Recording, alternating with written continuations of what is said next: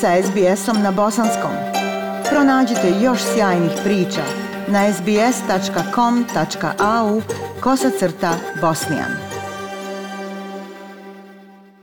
Aisha, lijep pozdrav tebi i slušateljima SBS radija. Već nekoliko sedmica stabilizuje se epidemiološka situacija koja je u vezi sa koronavirusom. Upravo zbog toga, 3. juna vlada Federacije Bosne i Hercegovine na svojoj sjednici prihvatila je preporuke Federalnog kriznog štaba o ublažavanju epidemioloških mjera. Između ostalog je dozvoljeni povratak navijača na tribine. O ublažavanju mjera govori Ognjen Blagojević iz Ureda vlade Federacije Bosne i Hercegovine. Što se tiče novih preporuka, broj osoba u zatvorenom prostoru povećan je na 50 50, a na otvorenom na stotinu. Dozvoljeno je i organizovanje većih skupova, ali uz sljedeće uslove. Posjedovanje negativnog antigenskog ili PCR testa, ne starijeg od 48 sati, ili potvrde o prebalovanom COVID-19, ne starije od 6 mjeseci, ili potvrde o završenom e, cijepljenju. Kada je već riječ o vakcinaciji, ona u Bosni i Hercegovini zaista ide sporo. Ono što je obradovalo ponovo bosansko-hercegovačke građane jeste informacija informacija da je predsjednik Srbije Aleksandar Vučić 3. juna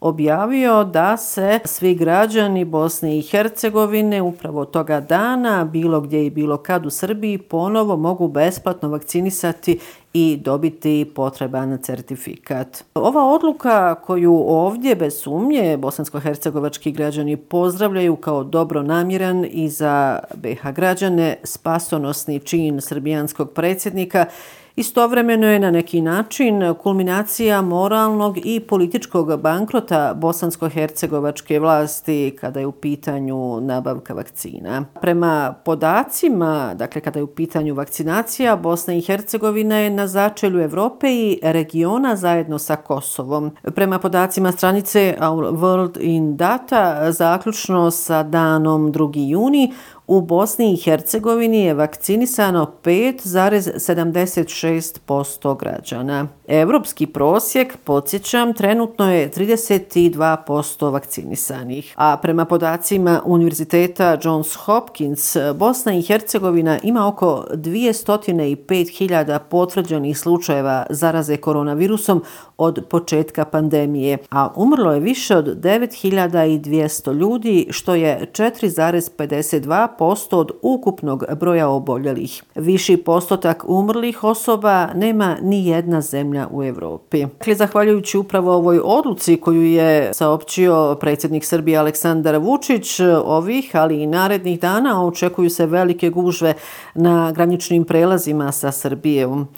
Scene masovnog odlaska građana u susjednu državu kako bi spasili sebi živote od zlokobnog virusa i priuštili minimum onoga što bi im vlastita država trebala osigurati i zašto plaćaju poreze i doprinose, nešto je što devalvira i političku i simboličku moć države Bosne i Hercegovine. Ne jenjava ogorčenje turističkih radnika nakon što vijeće ministara Bosne i Hercegovine još nije usvojilo odluku o olakšanom ulasku stranih državljana u Bosnu i Hercegovinu. Turistički BH radnici su e, debelo razočarani i ističu da će to biti veliki udarac za njihovo poslovanje ovih mjeseci. Da turistički radnici u Hercegovini ne namjeravaju čekati skrštenih ruku govori i činjenica da su 1. juna donijeli odluku o pokretanju protesta. Tako su oni iz Međugorja, Mostara, Ljubuškog i Čapljine odlučili održati protest u Sarajevu 8. juna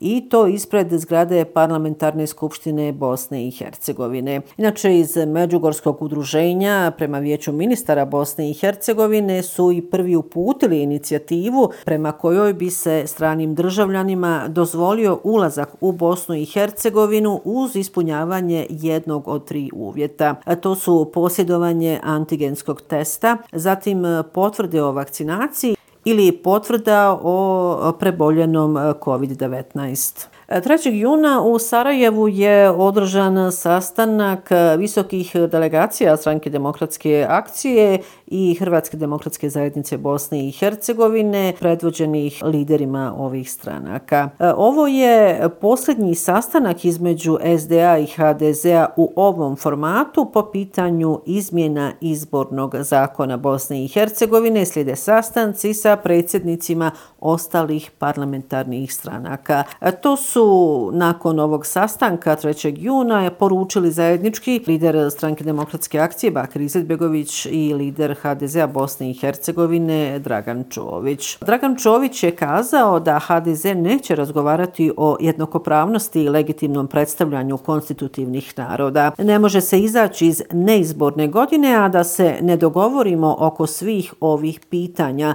pojasnio je Dragan Čović. Evo poslušajte riječi e, lidera HDZ-a BiH Dragana Čovića. Odnose se prije svega na izbor članova predsjedništva i domova naroda, gdje mi želimo da apsolutno poštujemo sve presude Ustavnog suda o legitimnom predstavljanju konstitutivnih naroda i naravno sve odluke suda u Strasburu. Godine bi trebali biti opći izbori.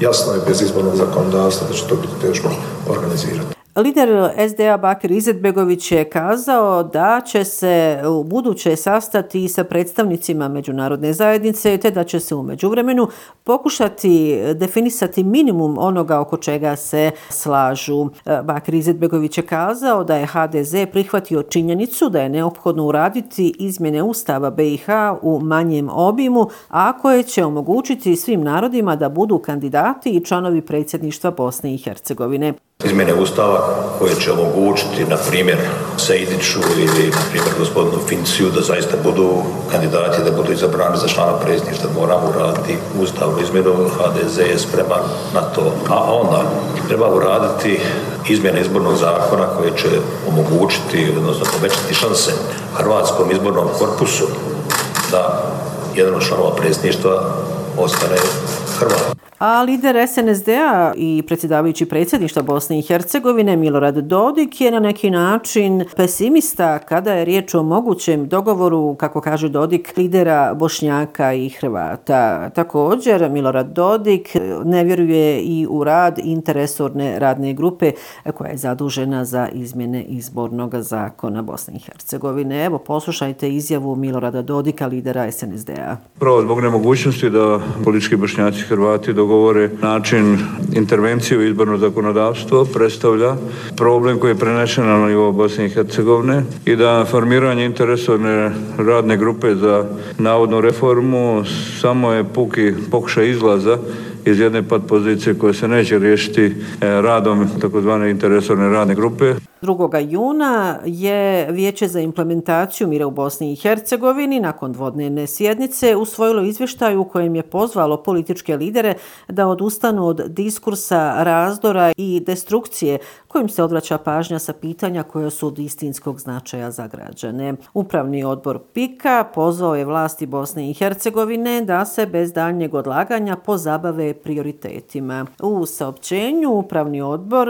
Vijeća za implementaciju mira u Bosni i Hercegovini još jednom je pozdravio imenovanje Kristijana Šmita za novog visokog predstavnika i izrazio mu punu podršku u jačanju stabilnosti u Bosni i Hercegovini. A iša evo za kraj još jedna informacija. Naime, crkva u dvorištu Nane Fate Orlović srušena je u jutarnjim satima ovog 5. juna. Očekuje se da cijeli proces uklanjanja iz dvorišta Nane Fate bude završen tokom vikenda. Podsjetiću, e, Srpska e, pravoslavna crkvena općina e, crkvu je izgradila na imovini koju je u vrijeme rata u periodu od 92. do 95. godine Fata Orlović morala napustiti zajedno sa sedmero djece i mužem Šačirom. Nakon dugogodišnje pravne bitke Evropski sud za ljudska prava je 1. oktobra 2019 godine donio presudu u kojim se nalaže da Bosna i Hercegovina mora mora ukloniti crkvu. Eto, toliko Aisha ovoga puta iz glavnog grada Bosne i Hercegovine. Srdačne pozdrave vam iz Sarajeva. Još jednom šalje Semra Duranović-Koso. SBS na Bosanskom. Podijelite naše priče preko Facebooka. Želite poslušati još ovakvih priča?